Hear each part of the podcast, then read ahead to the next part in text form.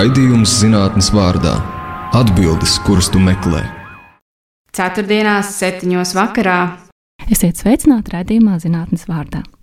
Ar jums kopā ir Ieva Siliņa. Ik pa laikam mēs dzirdam, mūsu ūdeņu tukšu zivju nav. Kas vainīgs? Zvejnieks, makšķernieks, varbūt lauksaimnieks, bet varbūt tomēr roņi vai kormorāni. Bet varbūt tās ir tikai mūsu iedomas. Šodienas saruna būs par to, kas notiek ar zivīm Latvijas ūdeņos, upēs, ezeros un Baltijas jūrā. Runāsim ar pārtiks drošības, dzīvnieku veselības un vīdes zinātniskā institūta bioru vadošo pētnieku un dzīvju resursu pētniecības departamenta vadītāju Dīdzi Uztupu. Strādājot dzīvju pētniecībā kopš 1995. gada, Dīdža pētniecības intereses ir izaugušas no jūras līdz visiem ūdeņiem. Divus gadus iegūst pieredzi Zviedrijā, Dīdžs atgriezās Latvijā un nu ir arī Latvijas pārstāvis Startautiskajā jūras pētniecības padomē. Dizi mīļākās ir plakanās zivis. Promocijas darbs tika izstrādāts par plakstēm, bet uz savu pusdienu galda Digis labprātāk redz akmens plekstes jeb ātes. Tātad raidījuma zinātnes vārdā viesis šodien ir biologs Digis Uztups. Labdien! Labdien! Digi, kā tu nonāci līdz zivju pētniecībai? Stāsts jau droši vien nav nekas unikāls un īpašs. Bērnībā patika makšķerēt ar tēvu Burtnieku ezerā, braucām ar laivu, ķērām līdzekļus, zandartu vēl tad nebija daudz, tie tagad ir saradušies. Tad jau vidusskolas pēdējās klasēs domāju, kur tad doties, ko darīt. Patika ūdeņi, patika jūra. No Valmieras nav tālu līdz jūrai. Mēs katru vasaru arī atpūtāmies ainažos. Par jūrnieku īstenībā negribējās kļūt. Tas bija pa tālu, bija pa ilgu, bet kaut ko ar jūrām gribējās darīt. Un tad es zināju, ka ir tāds viens puisis, Ivo, kurš strādā Zivju institūtā, kurš ik pa laikam brauc ar zvejniekiem kopā jūrā. Un tas man izklaus, izklausījās tāds, nu, īstenībā ļoti interesanti. Ir gan, gan drīz tā kā jūrnieks, bet tu neesi īsti jūrnieks, un tu sēdi daļu darbā, un daļu tu pavadi brīvā dabā. Un tā brīvā daba ir jūra. Un tā arī pēdējā gadā es mācījos aktīvi bioloģiju, aizvien vairāk un vairāk katru vakaru, un tā es iestājos bioloģijas fakultātē. Un tad es zināju, ka pēc pirmā kursa prakses šie zivju zinātnieki nāks un stāstīs jauniem studentiem par zivīm. Ļoti gaidīju šo dienu. Tad viņi atnāca, tad viņi mums pastāstīja par zivīm. Pēc tam es vakarā pie viņiem pienācu nodarbības beigās un prasīju, vai drīkst mums palīdzēt. Viņi teica, nē, mēs šodien beidzam. Nu, varbūt rītdien, varbūt kādu citu reizi nu, labi, atnāciet rītdien, ja būs labs laiks, tad, tad varēs palīdzēt. Laiks bija labs, es sāku palīdzēt. Un, um, pirmo gadu es kā students pastaigāju uz institūtu, man atļāva papētīt, mēs sākām domāt, ko mēs varētu darīt. Un sākot ar otro kursu, es sāku strādāt institūtā par asistentu, tālāk jau par pētnieku un nu, jau vadošais pētnieks. Kāda izskatās zivju pētnieka ikdiena? Mm, dažāda. Un tas ir tas, ko īstenībā tie par to, ko es sapņoju, īstenībā tas arī lielā mērā ir piepildījies, ka darbs absolūti nav vienveidīgs. Ir iespēja gan doties lauku darbos, gan arī garos ziemas vakaros un dienās analizēt ievāktos datus tā jūra jau arī tās robežas, ko mēs esam savilkuši, tas ir tās mūsu strīpiņas, tās starpvalstu vienošanās. Zivs šos robežas nezina. Un tieši tāpēc ir ļoti svarīga starptautiskā sadarbība, un tas, ko mēs arī aktīvi darām un esam iekļaujušies dažādās starptautiskās pētniecības organizācijās, mēs pētām uz vietas, un mēs pētām to vienlaicīgi arī starptautiski. Mēs pētām ar tieši tādām pašām metodēm, kā dara to kolēģi tepat sākot ar Igauniju, Lietuvu un arī Dāniju, Zviedriju. Un tā ir tā ikdiena daļa dabā, daļa uz vietas, daļa Latvijā, daļa Kopenhāgenā. Ja politiķiem tā viņu citadele ir Brisele, tad uh, zivju pētniekiem mūsu citadele ir Kopenhāgena, kur atrodas Startautiskā jūras pētniecības padome Un diezgan daudz laika mūsu zinātnieki pavada arī Kopenhāgenā. Kāda ir dzīves zinātnieka loma gan mūsu valstī, gan vispār pasaulē? Mm, ir dažādas tās lomas. Ir, protams, mēs varam pētīt un meklēt jaunas sugas. Mēs gribētu atklāt, cik viņas ir, kur viņas dzīvo, kā viņas dzīvo. Lielā mērā tas, ko mēs darām, ir šī pielietojamā zinātne. Mēs sniedzam zinātnisko padomu.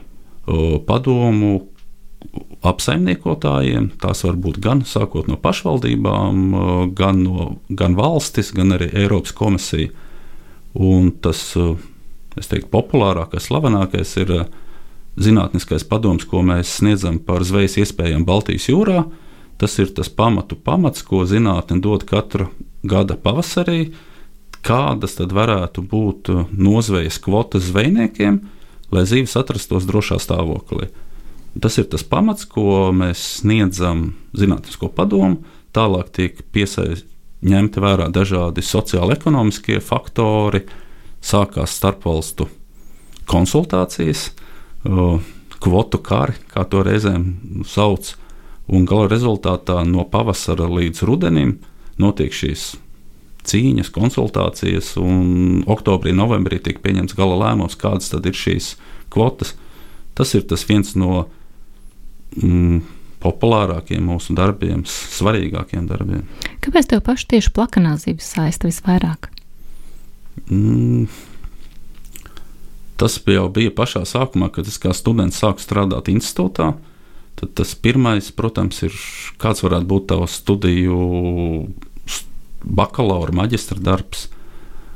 Un lomos aizvien vairāk parādījās tādas interesantas zivis kā akmeņplēkstas vai ātes, kas līdz šim Latvijā netika pētīts, mainoties arī tirgus situācijai, aizvien vairāk zvejnieki savu zivis sāk vest uz Dāniju, un tur viņi redzēja, ka ir tādas lielas zivis, ļoti dārgas. Izrādās, tās ir dārgākās Baltijas jūras zivis, restorāna delikatese. Un kā man par lielu laimi izrādījās, neviens Latvijā viņas nav pētījis. Un mans priekšnieks Mārcis teica, hm, varbūt arī mēs varētu paskatīties, cik viņas daudz, kas ar viņām notiekās. Un viņas sākumā bija daudz, un kamēr viņas zvejnieki neķēra, viņas auga lielas, daudz. Tad zvejnieki saprata, ka viņas ir dārgas, labas, ķēra aizvien vairāk, un tā arī mēs viņus sākām pētīt. Mēdījos mēs daudz dzirdam par piesārņojumu Baltijas jūrā. Saki no dzīves zinātnieka viedokļa, kāda ir situācija mūsu jūrā, salīdzinājumā ar citām jūrām? Mm, ir dažādas kāļas, saukļi, un uh, ir dažādas arī Protams, Baltijas jūrai ir problēmas, tāpat eitrofikācija Baltijas jūrā aizsauc. Baltijas jūrā ir pārāk daudz uh, barības vielas, un līdz ar to šīs uh, barības ķēdes arī nefunkcionē normāli, kā tam vajadzētu būt. Mēs arī dzirdam, ka Baltijas jūra ir mirusi. Tiek minēti dažādi procenti, kur ir mirušās zonas, kur ir bezskābekļa rajonis. Un uh, daļai tas atbilst taisnībai, jo arī mūsu zinātnieki, kad veic mūsu uzskaitas, kas ir 5, 10 zinātniskie reisi gadā, mēs redzam, ka centrālā jūrā, ja mēs to jūru iedomājamies kā bļodu, tad tādā bļodas apakšējā daļā bieži vien dziļāk par 70 metriem dzīvības praktiski vairāk nav. Vai vajadzētu būt? Ir bijuši labie gadi, kad, protams, ir šī dzīvība, ja ne visi tur, teiksim, 200, 230 metri, tad arī dziļāk par 100 metriem līdz 200 metriem ir. Te, protams, ir jāskatās, kas tā Baltijas jūra ir. Viņa ir tāds praktiski noslēgts, iesāļš ezers, un tas labais, sāļais, skābekļu bagātais ūdens var ienākt tikai no Ziemeļjūras. Ir dažādas teorijas, kam ir jānotiek, lai tas notiktos. Agrāk tas bija reizi divos, trijos gados, Pēdējos gados tas notiek reizi desmit gados. Bet tā populārākā teorija, ka no sākuma ir jābūt stipriem austrumu vējiem, kas to Baltijas jūras ūdeni padzen ārā, līdz ar to jūras līmenis ir diezgan zems. Tad brīdī vējam strauji jānomainās, un seko straujas, stipras rietumu vētras, kas iedzen to labo ūdeni iekšā. Un tad jautājums, cik daudz viņi iedzen iekšā un kas tur pretī sagaida? Ja priekšā ir slikts ūdens, drāņķis, tad viņš ātri atšķēdās, un līdz mūsu ūdeņiem tas labais ūdens arī tik daudz neatnāk. Un tas arī nosaka to dzīvību, cik dziļi viņi notiek un kādā mērā. Tas lielākais cietējs, populārākais cietējs, ko mēs visi droši vien esam dzirdējuši, ir Baltijas mēnce, kam vajag šo sāļo skābekļu bagāto ūdeni, un tā kā viņš kļūst aizvien mazāk mūsu mūsu ūdeņos, tad arī mēnesis mocās. Vai mēs paši kaut ko varam darīt, izņemot gaidīt pareizos vējus?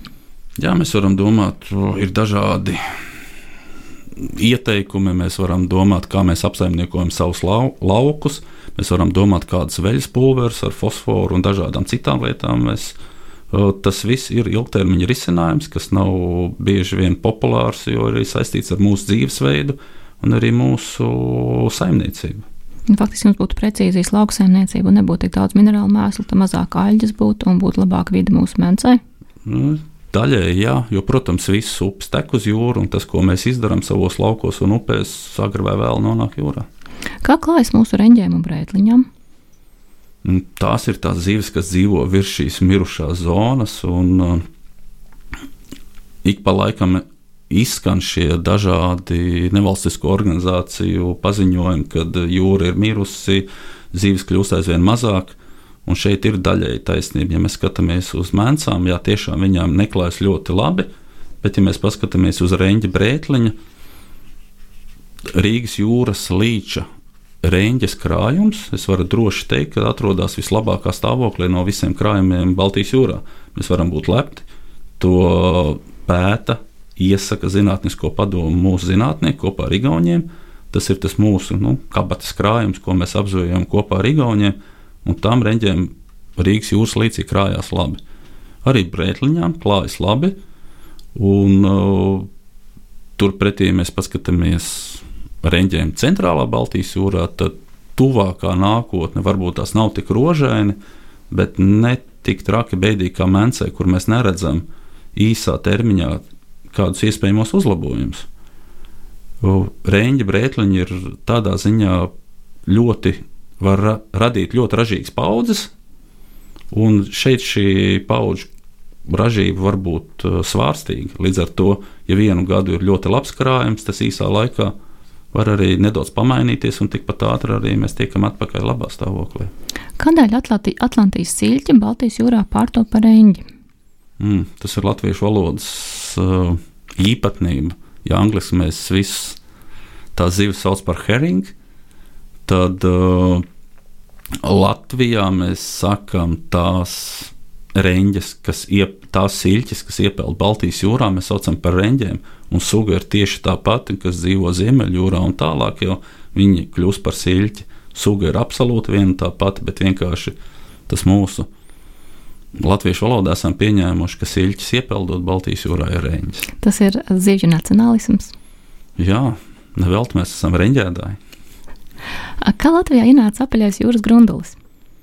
Mm, ir dažādas teorijas, un, ja mēs paskatāmies uz Baltijas jūru, jo tā dzimtā vieta viņam ir Kaspijas rajons. Un kā viņš nonāca līdz šejienei? Un tā populārākā teorija ir, ka deviņ, pagājušā gadsimta 90. gados kopā ar kuģu balastu ūdeņiem viņš tika atvests uz Poliju. Tas ir tas rajonus, kur viņš tika pirmo reizi konstatēts. Un tālāk jau notika tā vietējā izplatība, tas ātrums tiek novērtēts aptuveni 30 km/h. Viņš izplatīja to savu izplatības areālu, un lēnā garā viņš arī nokļuva līdz Latvijai. Protams, ir arī no ģenētiskiem datiem redzams, ka šī invāzija atkārtot ar balastu ūdeņiem visdrīzāk arī notikusi arī citās ostās, bet tas pamats, tas lielais, ir no sākuma uz polijas ūdeņiem, un tad lēnā garā arī pie mums ir atnācis. Vai mums būtu jāuztraucas par to, ka tagad pie mums ir šis apaļais jūras grundulis? Tad no sākuma mums ir jādefinē, kas esam mēs. Ja mēs tieši jūras krastā. Ja mēs esam Latviešu jūras krastā, kas ir zvejnieki, tad mēs esam ļoti priecīgi. Jo gadus 5, 10 atpakaļ bija ļoti liels satraukums tas pirmais nosaukums viņam pat parādījās kā sviesta skrove. Tas ir tiešais tulkojums no zviedru valodas. Un, uh, Tās bažas bija, kad uh, ļaunais apaļais jūras grundulis vai sviesta skrūve izēdīs visus ikrus un visas pārējās zivis pazudīs. Un tas, ko mēs redzam, kad uh, pēdējos gados atsevišķos piekrastes rajonos apaļais jūras grundulis ir savērojis ļoti lielos daudzumos. Latvija īstenībā, es pat droši teiktu, ir čempions apaļā jūras grunduļu nozvejā. Mums ir lielākās nozvejas Baltijas jūrā. tur lielu lomu visdrīzāk spēlē gan uh, dzīvotnes, kas viņam patīk. Apaļam jūras grundulim ir akmeņi ar mīdijām, ar gliemežiem. Šis nelielais sāļums, un uh, pie mums tātad viņi ir daudz un salīdzinoši lieli. Ir gadi, kad mums ir nozveja vairāk kā tūkstots tonnas. Priekš piekrastā ir liela nozveja, un tā ir stabili otra lielākā pēc nozvejas ziņām suga aiz reņģes. Tātad mēs esam zvejnieki, mēs esam ļoti priecīgi, jo mēs esam atraduši jaunu ienākumu avotu. Mēs esam atraduši jaunu eksporta tirgu, mēs sūtām atpakaļ turpat uz Ukrajinu, Bulgāriju. Pie mums viņi izaug lielāki, un tā arī Ukrāņi, Bulgāri ir priecīgi. Viņi iemīļotā zivs tiek sūtīta lielāka, garšīgāka. Ja mēs esam biologi, tad mēs satraucamies, jo mēs gribam ekosistēmu, lai saglabājas uh, stabilā līmenī. Mēs gribam aizsargāt tradicionālās zīves, mēs gribam arī nākotnē būt reņģēdāji. Un tāpēc, ja, kā mēs iepriekš runājām par zinātnisko padomu, tad šeit tad galvenais uzdevums zinātniskā padomē uz tradicionālām zivju sugām ir nodrošināt, lai zivis būtu arī nākotnē konkrētā suga. Tad apaļam jūras grundalim ir pilnīgi pretēji uzdevums zinātniekiem ir veicināt viņa nozveju, lai tādējādi un vienlaicīgi aizsargājot tradicionālās mūsu sugas plakste, reņģa, mēnca. Un šeit ir šī interesantā lieta. Tātad mēs cenšamies no vienas puses aizsargāt, un otras puses cenšamies ķert pēc iespējas vairāk, vienlaicīgi, lai aizsargātu citus. Vai ejot uz lielveikalu, es arī varu kaut kur atrast un nogaršot šo zivi? Jā, ja tu ej pavasarī, it sevišķi centrālā tirgo, jo tā zveja ir ļoti specifiska īsa laika perioda sākās aprīlis un aptuveni līdz jāņiem. Tas ir laiks pirms nārsta, kad apaļā jūras grunduļi ir traki. Viņi vēl grib izkarot savu pēdējo nārsta teritoriju, vēl grib kaut ko garšīgu apēst, un viņi aktīvi kustās. Tas ir laiks, kad zvejnieki viņus var arī noķert. Tālāk jau nārsta laikā viņi kļūst maskustīgi, arī neveido tik lielas koncentrācijas, un, un lomos zvejniekiem neparādās. Tas nozīmē, ka šī ir ēdienkartes sezonalitāte. Jā, absolūti. Un tas, protams, ir arī atkarīgs no mūsu teiktu, no labiem pavāriem, kurš uh, veicinātu, ka mēs ne tikai visus apaļos jūras grundoļus aizsūtām atpakaļ uz dzimteni, par ko ir priecīgi Bulgāri un Ukrāņi, bet arī aizvien vairāk viņš parādītos mūsu restorānos un zivju ēdienkartēs. Biola jaunajā zivju mājā ir apjomīgs zinātniskais arhīvs par Baltijas jūras zivīm. Pastāstiet, kādu materiālu tur ir apkopoti? Mēs tikai tagad līdz galam esam apzinājušies, kas mums ir. Ilgu laiku dzīvojot Daugaugrības ielā 8, vecajā mājā, mēs zinājām, ka mums ir viens no labākajiem bioloģisko datu arhīviem Baltijas jūrā. Tas pats mēnesu barošanās datu bāze no 63. gada, kas ir pieejama publiski arī citiem zinātniekiem Startautiskā jūras pētniecības padomas mājaslapā. Mēnesu barošanās, ko tas nozīmē? Mums ir jau tātad. Sākot no 63. gada, pat īstenībā izrādās jau no 48. gada, ko mēnesis ir ēdušas, kādas zivis, kādas bezmukuru kalnieks, cik viņas lielas bijušas, cik viņas ir teiktu, resnas bijušas, cik viņas sver. Un, līdz ar to tas, tie dati ir svarīgi sevišķi mūsdienās, kad mēs cenšamies pāriet no vienas sugas novērtējumu. Līdz šim mēs novērtējam, cik jūrā daudz reņģes, cik daudz mēnesis, cik daudz plekstes. Un tā nākotnes vīzija, ka mēs ejam uz ekosistēmas pieeju, mēs novērtējam ne tikai vienu sugu, bet arī visas vienlaicīgi. Mēs skatāmies, ko katra ēd, kādā daudzumā, Un, protams, ideālā stāvoklī mēs vēl skatāmies arī jūras vidas stāvokli. Tie ir lieli, kompleksi, sarežģīti modeļi, kur ir vajadzība pēc lieliem, daudziem labiem datiem. Un tātad šī mūsu zinātniskā arhīvā ir par vairākām nozīmīgām Baltijas jūras sugām. Dati ne tikai par to daudzumu, salīdzinoši tālā senatnē, pagājušā gadsimta vidus, bet arī ir dati, ko viņas ir ēduši un kādā daudzumā. Kādu var noteikt zivju vecumu? Zivju vecumu pats vienkāršākais, jo garāk zivs, jo vecāk, bet bieži vien tas nedara. Bet tāpēc uh, ir dažādas metodes, kas ir pielietotas ir laika gaitā atrasts, kā kurai sugai tas ir labāk. Ir vienkāršāk, kā mēs varam noteikt zvīņas, Un līdzīgi kā kokam veidojas gadsimta, kad vasarā zivis aug ātrāk, un ziemā zivis aug lēnāk. Mēs varam noteikt arī pēc žaunu vākiem, mēs varam noteikt arī pēc otolītiem. Tie ir tādi speciāli kauliņi, kas ir vidusausī, kas nodrošina šīs līdzsvaru sajūtas zivīm. Un princips atkal tieši tāds pats. Katru gadu veidojās šīs gadsimtas, un īstenībā tie otolīti, es pat teiktu, ir Tāpat kā lidmašīnas melnā kaste, mēs pirmkārt varam noteikt pašu vienkāršāko vecumu, bet vienlaicīgi tur ierakstās arī dažādi ķīmiskie mikroelementi, un pēc tam mēs arī varam pat analizēt zivju migrācijas, skatoties stronciju, bāriju, bāriju kas jūras ūdeņos uh, ir tiešā saistībā ar ūdens sāļumu. Un tad mēs varam redzēt, kurā brīdī zivs ir bijusi jūrā, kad viņa ir iepeldējusi upēs, ezeros un melnā kastē. Par melnajām kastēm runājot, pastāst lūdzu par zušu mistēriju. Kā tie vairojas, kā tie pārvietojas?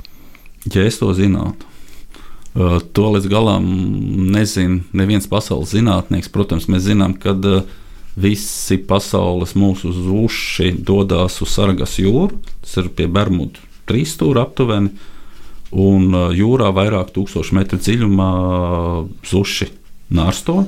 Līdz galam to neviens nemāca. Zutis ir nemāku izskaidrot. Zuds ir praktiski vienīgā zivs suga, ko cilvēks akvakultūrā nespēja pavairot. Dāņi iet uz priekšu lieliem soļiem, sola pēc pieciem, desmit gadiem viņi to spēs izdarīt. Tas būs ļoti dārgi, bet viņi to spēs. Ar laiku cerams kļūs mazāk. Un tad zutis nonārsto, un pēc tam šie mazie zutīši ar golfa traumu tiek gada laikā atvest, at, Viņi atpeld uz uh, Eiropas piekrasti, un tur jau stikla zušu stadijā uh, cenšas atrast to savu dzimto upi, ezeru, ūdenstilpi. Protams, uh, kā viņi zina, kur ir dzimtā? Uh, tā ir nākošā mistērija, un tur pēc dažādām šīm maņas sajūtām viņš to zina. Un tas sušu krājums pēdējos gados ir kritiski zems. Viņš ir salīdzinot ar iepriekšējiem gadiem par 90% samazināts. Uh, un arī Latvija.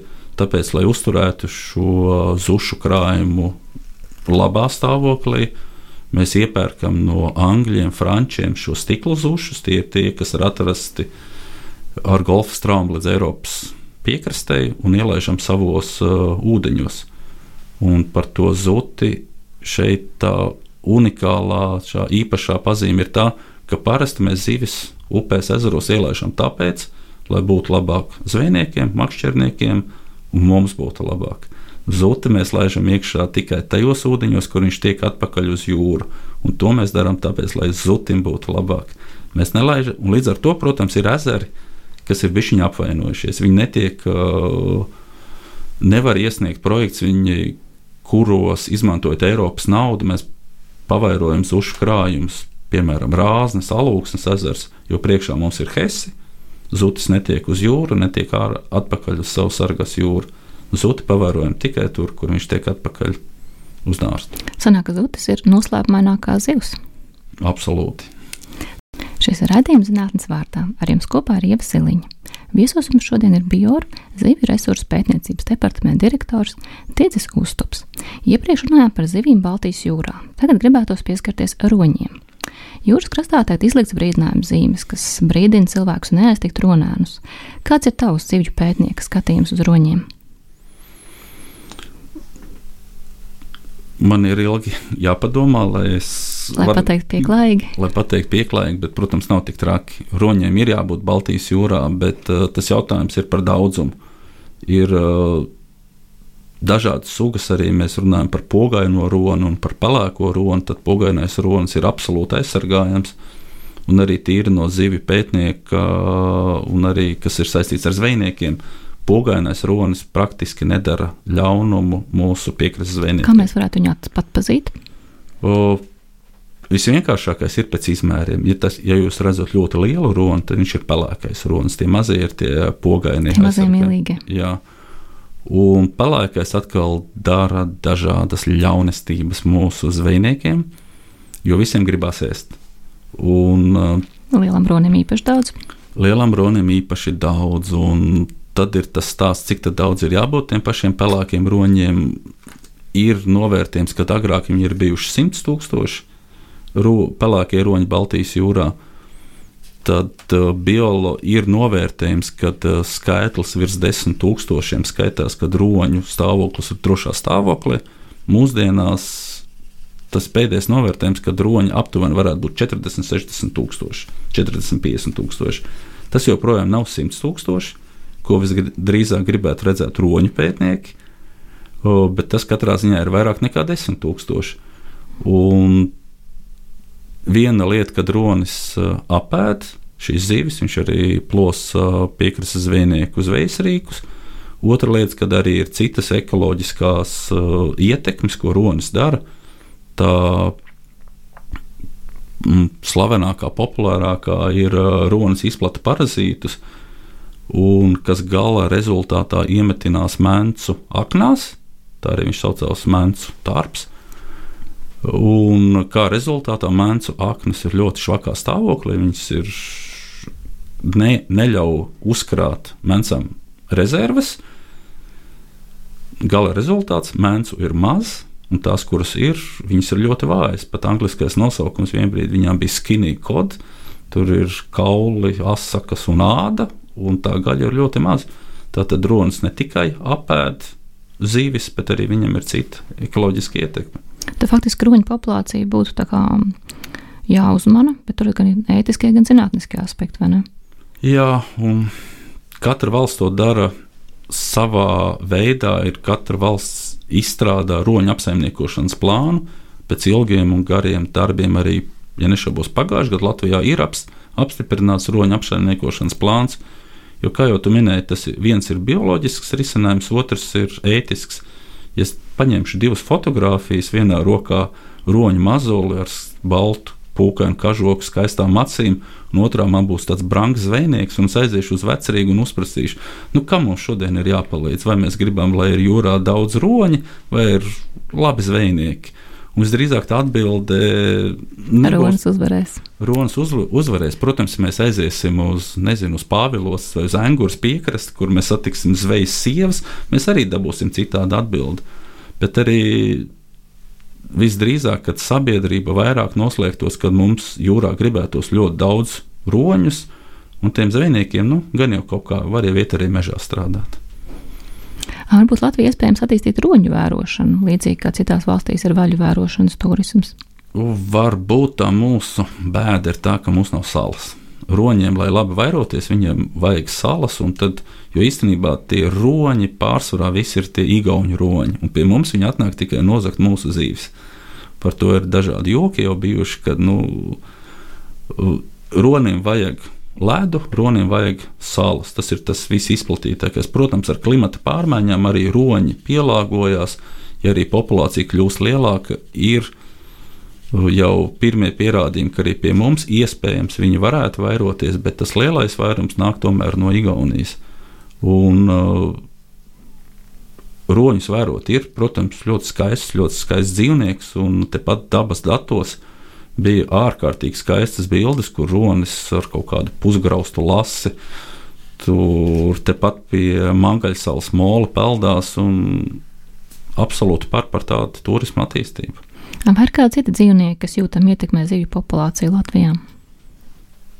Mm.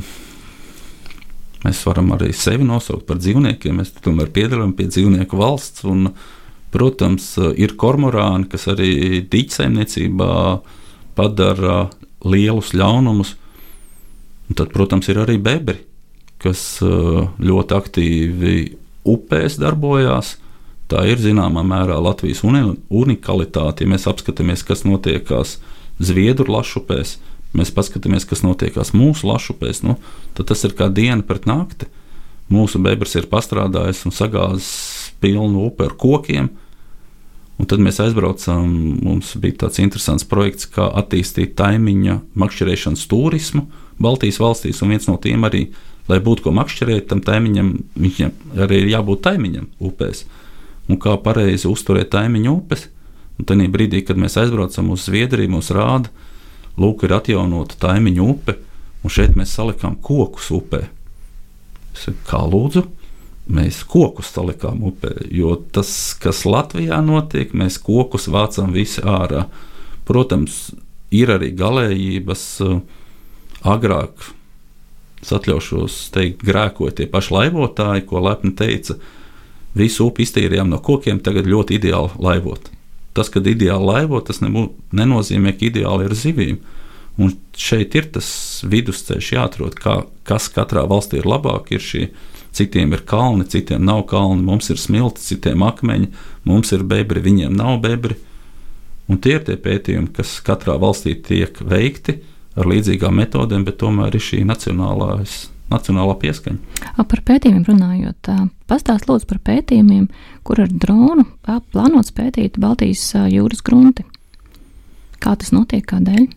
Mm, tā lielā bažas ir par to, ka ķerot ar grunts traļiem, mm, tie traļi, tie tīkli saucamie, tiek vilkti pa jūras grunti un saprast, kas tad notiek, kas paliek aiz zvejniekiem pāri.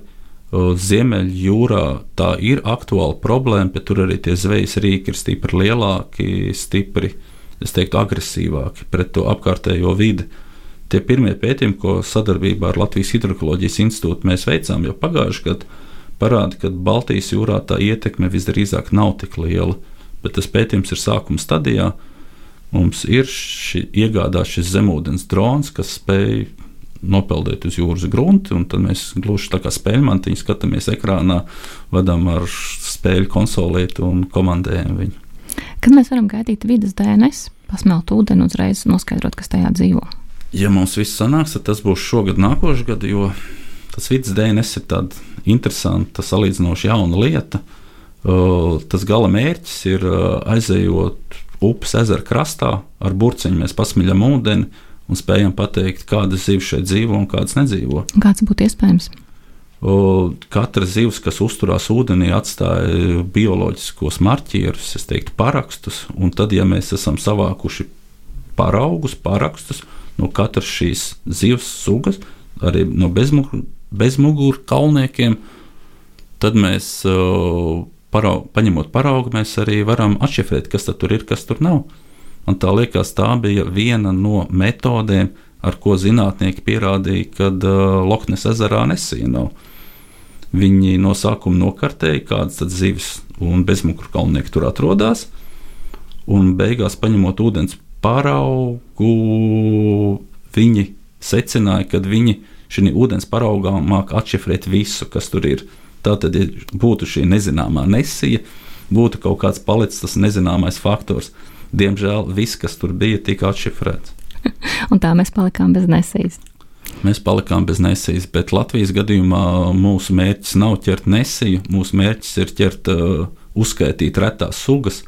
Retās sugas, tāpēc arī viņas ir retas, viņas ir grūti noķeramas. Mēs, protams, negribam uzspridzināt, noindēt visu ezeru, visu upi, lai noķertu divas, trīs retās zīves. Un tieši tāpēc ir šīs jaun, šādas jaunas metodes, kas tiek pielāgotas nacionālām teikt, īpatnībām un ap, aprobētas vietējiem apstākļiem. Šis ir rādījums zinātnes vārdā. Ar jums kopā ir Ievasiliņa. Viesos mums šodien ir biologs Tiecis Uztops. Iepriekš runājām par roņiem Baltijas jūrā, turpināsim sarunu par Baltijas upēm.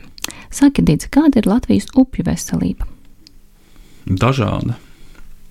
Veselās un slimās? Mirušās tak nebūs nav mums mirušas upes, un mēs negribam mirušas upes. Mēs gribam gan peldēties, mēs gribam, man kā zivju pētniekam, gribās, lai tur dažādas zivis ir. Un tās pēdējās aktualitātes, arī ko mēs tagad saskaramies, ir mūsu lašupes. Mums ir uh, septiņas dabiskās lašupes, un tad arī mums ir uh, jauktās tipa upes, par lašiem runājot. Kuras ir mūsu lašupes? Vai tā lielākā, protams, ir mūsu bijusi dabiskā lašupe, tā ir Daugava Tā ir bijusi mūsu izvēle, ka mēs esam uzbūvējuši trīs lielus hesus. Tā vietā lasim nozaguši viņa ārsta vietas. Mūsu izvēle ir uh, uzbūvēt uh, zivjaudzētavas, un tādējādi mēs kompensējam dabai nodarītos uh, zaudējumus. Tā mūsu labākā lašupa ir salaca, un arī tur, pat ja mēs viņam sakām, ka tā ir mūsu labākā, ne viss tur ir ideāli kopumā, ja mēs paskatāmies uz lašupēm un uz lašiem, tad tas stāvoklis Baltijas jūrā ziemeļos, kur ir šīs lielās lašupes, Tornijoki, Kaliks un citas, tad tur stāvoklis kļūst aizvien labāks un labāks. Un tās ir tās lielās upes, kas saražo Baltijas jūrā aptuveni 90-95% no lašiem. Baltijas jūrā laši kļūst vairāk.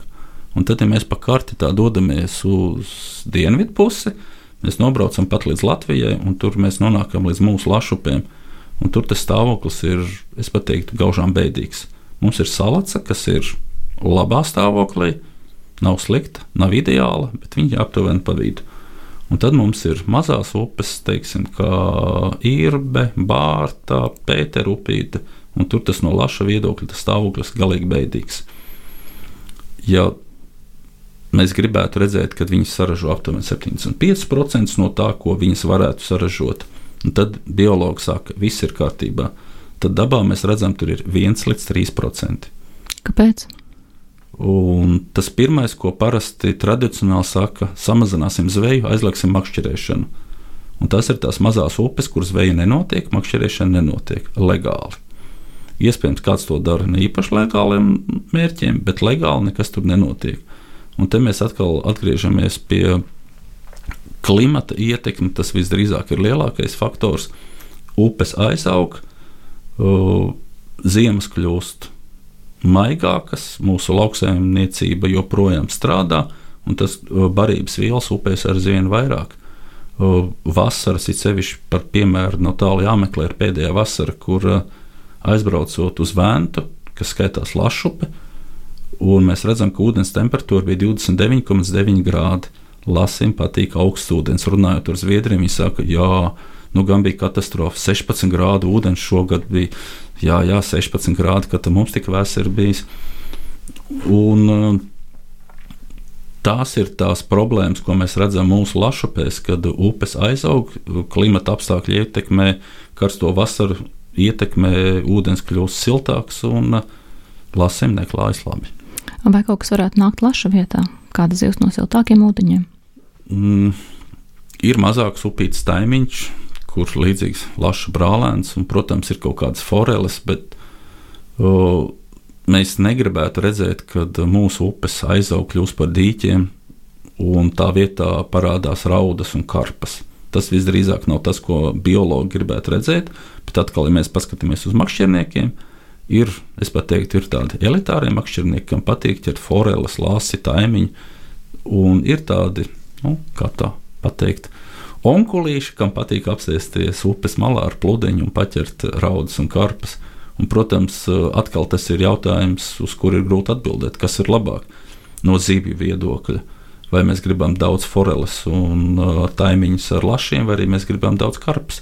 Ja mēs skatāmies no upju veselības, tad uh, veselīgā upē visdrīzāk vairāk būs laši un taimiņi. Nesen Latvijas avīzē varējām lasīt, ka mākslīgais intelekts salacā skaita lašus. Kas ir šī pētījuma mērķis? Uh, mēs runājam par salacu, tā ir mūsu galvenā lašupe, un tā ir uh, makšķernieku sapņu upe, kur noķert savu sapņu lasi. Mums nāk iekšā salacā liela smuki laši, un mums salacā ir organizēta licencētā makšķerēšana lai saprastu, cik daudz mēs makšķerniekus drīkstam laist iekšā salacā, lai saprastu, kurā laikā to darīt. Jo pašlaik tas notiek pēc nārsta. Mēs ļaujam lasim nonārstot, un pēc brīža arī makšķerniekiem atļaujam ķert nonārstojušās zivis. Tas galīgi nav tas, ko gribētu makšķernieki. Makšķernieki gribētu ķert pirms nārsta lasi, kad viņš ir stiprs, spēcīgs, un kad uzķerot tādu lasi, protams, ir cits cīņas azarts un arī tā lai atļautu lašus ķert pirms nārsta, biologi ir ļoti uzmanīgi. Tāpēc mēs ejam soli pa solim, un sap, lai saprastu, cik daudz varētu būt teiksim, septembrī šīs pirmsnārsta licences. Jo, kā jau minēju, salacās stāvoklis nav slikts. Viņš nav labs, viņš nav slikts, viņš ir par vidu. Un, lai saprastu, kāpēc viņš nav labs, kāpēc viņš nav ideāls, ir nu, palielam ir divi iemesli vai nu mums pietrūks lielās zivis, kas nāk iekšā, vai arī lielās zivis ienāk iekšā, un mums kaut kas upē kaiš, tās pašas dzīvotnes uh, aizaug, ir jāpalīdz upē. Un tas, ko mēs redzam pēdējos gados, kad vietējie makšķernieku biedrības ļoti aktīvi strādā ar dzīvotņu, ar upju uzlaunošanu, un tagad tas zinātnieku uzdevums ir saprast, cik tās lielās zivis ir nāk iekšā. Tāpēc esam uzbūvējuši speciālu uzskaitas aparātu. Mēs pat viņu nosaucam par lašu fotosalonu. Ir uzbūvēta speciāla gudra sēde, kur mazās zivs tiek cauri, un lielie laši taimiņi ir spiesti izpeldēt cauri tādam speciālam zinātniskam tunelim, kurā ir video kamera, kurā ir skaneris, kurš katru zivi atpazīst. Tas ir lasis, tas ir taimiņš. Viņš atpazīst, tas ir tēviņš vai tā ir mātīte, nomēra un aprēķina svaru. Un šeit ir tas saucamais mākslīgais intelekts, kas varbūt bija tā nu, skaļi, smuks teikt, ir, ir šī mašīna mācīšanās, kur viņa ņemot vērā iepriekšējo informāciju, mēs vēl viņai palīdzam sākumā, ja viņa kļūdās, vai mēs apstiprinām vai noliedzam, ka tas, tas ir lasis vai taimiņš. Un tas ir tas mērķis saskaitīt visas lielās zivis un saprast, kas tad salats upei trūkst, lai tā kļūtu par izcilu upi. Kā mēs varētu atjaunot dzīvotnes upēs? Tas vienkāršākais, kas parasti Latvijā tiek darīts, viņas tiek tīrītas vai nu izpļautas. Pēdējos gados tā pašā salacā ar augstspiediena sūkni tiek attīrīti dzīvotnes, šī oļa, šie akmeņi no apauguma. Tas ir tie populārākie. Protams, mēs varam arī bebra kunga nedarbus pamaitāt un uh, Mums ir šie dambi jātīra, protams, ir jāsaprot, kurā laikā to darīt. Ja mēs darīsim to nārsta laikā, nekas labs tur nebūs, jo mēs palaidām to visu dūļķi, tos dubļus, kas ir uzkrājies pēc tam virsū mūsu labām dzīvotnēm. Šie veidi ir dažādi, un mēs esam priecīgi, ka zinātne pēdējos gados ir sadzirdēta, jo līdz šim tas ir bijis pašplūsmā, Un vienmēr uh, mēs absolūti esam pārliecināti, ka cilvēki ir gribējuši darīt labas lietas, bet tā pārliecība tur ir ļoti liela un viņa ir grūti kādam iestāstīt, ka varbūt līdz galam jūs tomēr nedarat kaut ko pareizi. Jo tie dati nevienam jau arī īsti līdz šim nebija. Uh, kā ir bijis pirms tam, un kas tad, kādi ir tie rezultāti jūsu labai, varbūt ne tik labai tīrīšanai. Un tieši tāpēc mums ir liels prieks, ka pēdējos divus, trīs gadus jau ir ja valsts dod naudu šādiem tīrīšanas, dzīvotņu atjaunošanas projektiem, tad no sākuma tam upē ieliec zinātnieki, novērtē, kas tur notiek pašlaik. Tālāk nāk aktīvisti, tīrītāji, tiek veikts dzīvotņu atjaunošanas darbs, un nākošos divus, trīs gadus mēs ejam un salīdzinām un skatāmies, kā ir bijis pirms tam un kā bijis pēc tam. Uzkrājot šādus datus no vairākām upēm, vairākām metodēm, pēc uh, trim, četriem gadiem mēs varēsim izpildīt to vienu uzdevumu, ko valsts mums ir uzlikusi, kas tad ir galu galā labāk, atjaun, kā palīdzēt uh, zivju populācijām atjaunot dzīvotnes, vai arī mēs pavērojam mazuļus. Runājot par situācijas apzināšanu, pastāst lūdzu par projektu, kurā Biora apzinas šķēršļus Latvijas upēs. Mm, tas ir Latvijas vidas fonda atbalstītais projekts, jo visā Eiropā uh, aizvien aktīvāk cilvēki cenšas palīdzēt upēm, un viens no, no šiem darbiem ir nojaukt dažādus dambjus. Dambju ir daudz, tūkstoši vai pat vairāk Latvijas upēs. Upes mums ir aptuveni 19,000 km. Un tajā brīdī, kad kāds gribētu kaut ko darīt, ir jāsaprot, ar ko sākt. Un te biologi saka, ziniet, ja šī nauda, jauda ir ierobežota, mēs labprāt gribētu redzēt, ka mēs darām to gudri, Jā, atzīsim, mēs esam pagaidām iepalikuši no Igauniem, arī lejšos te jau sāk jaukt pirmos dambjus. Mums pagaidām šī dambju šķēršļu jaukšana nenotiek, bet tas, kas mums notiek, mums notiek ļoti gruntīgs zinātnisks projekts, kurā mēs apzinām šos 19,000 km upes, mēs apzinām šo upju hidroloģisko stāvokli, visus parametrus un uz to esošos dambjus. Tieši tāpēc mēs sadarbībā ar dabas datiem izstrādājām aplikācijā pielikumu, kur cilvēkiem dodoties dabā ir iespēja ieraugot kādu dāmbi. Tas šāvasara atklājums bija caurtekas, kas ir zem ceļiem. Ir sevišķi šādā karstā mazūdens vasarā mēs redzam, ka īstenībā tās caurtekas daļa no viņām ir kļuvušas par nepārvaramu šķēršļu zivīm. Un tātad cilvēkiem bija iespēja, joprojām ir iespēja ziņot dabas dati LV aplikācijā, vieglā veidā, pāris minūtes ar fotografiju, un šķērslis ir noziņots. Un tas gala lielais mērķis ir mm, sastādīt sarakstu tīri no zivju viedokļa. Ja mēs gribam jaukt dambjus, mīļie jaucēji, mīļie jau, naudas devēji, lūk, ir šis ļaunākais saraksts, sarkanais, kuras, eh, kuras šķēršļi sākumā būtu jālikvidē. Nozīmē, ka es gribu palīdzēt um, Latvijas upēm, tad man vajadzētu uh, lejupielādēt aplikāciju dabas dati un, attiecīgi, kā es redzu kādu šķērsli, kur zīltiņas netiek cauri, par to ziņot. Jā, Mēs ticam, ka mēs paši esam apzinājuši lielos vidējos šķēršļus, bet dabā daudz kas mainās. Arī, kā jau minēju, šīs caurtekas, arī kaut kādi lieli, gruntīgi bebru uzbūvējumi, šie dambi, kas arī mēs redzam, ir jau vairākus gadus tur atradušies. Un tas būtu tas, ko mēs aicinām dabā gājējus, makšķerniekus, ceļotājus, dabas baudītājus, ziņot aplikācijā dabas dati. Vai tu pats arī savu brīvo laiku pavadi pie ūdeņiem? Jā, pēdējā laikā makšķerēt sanāk aizvien mazāk. Patīk pastaigāt grupas krastiem, kaut kur dzirdēju labu nosaukumu, kā krastings. Gan pavasarī, gan jā, arī citā laikā. Bieži vien to dara ar nojām, patīk nojot un patīk pavērot dabu. Nopēcot sarunu, ko tu ieteiktu mūsu klausītājiem, makšķerniekiem? Mm. Man kā zinātniekam gribētos teikt ļoti vienkārši ticiet zinātnē, un uh, mēs, mums ir laba sadarbība ar makšķerniekiem, mums ir laba sadarbība ar zinātniekiem, un mums ir arī laba sadarbība ar politikas veidotājiem. Un tajā brīdī, kad uh, ir reizes gadījumi, kad no vienas puses saka, jūs darat nepareizi, no otras puses jūs darat nepareizi, un arī trešie saka nepareizi. Un tad es sajūtos, ka mēs esam par vidu, mēs neesam strādājuši par labu no kāda no šīm, es pat teiktu, no trim interešu grupām, un es teiktu, ka zinātnē tas strādā labi. Mēs nestrādājam kādam par godu, kāda interesēs. Mūsu, padomu, mūsu mērķis ir sniegt zinātniski neatkarīgu padomu. Mēs strādājam patiesībā. Jā. Paldies! No sirds priecājos tiem atklājumiem, novēlu panākums arī turpmāk. Atgādinu, ka raidījumā zinātnes vārdā bija biologs Tigris Uztups. Studijā bija Ieva Siliņa. Lai sekot jaunumiem mūsu rādījumu, atcerieties piesakot atradio un abu kanāliem sociālajos tīklos - Facebook, Twitter un Instagram. Lai jums visiem šonadēļ pagātīgs loms! Atā!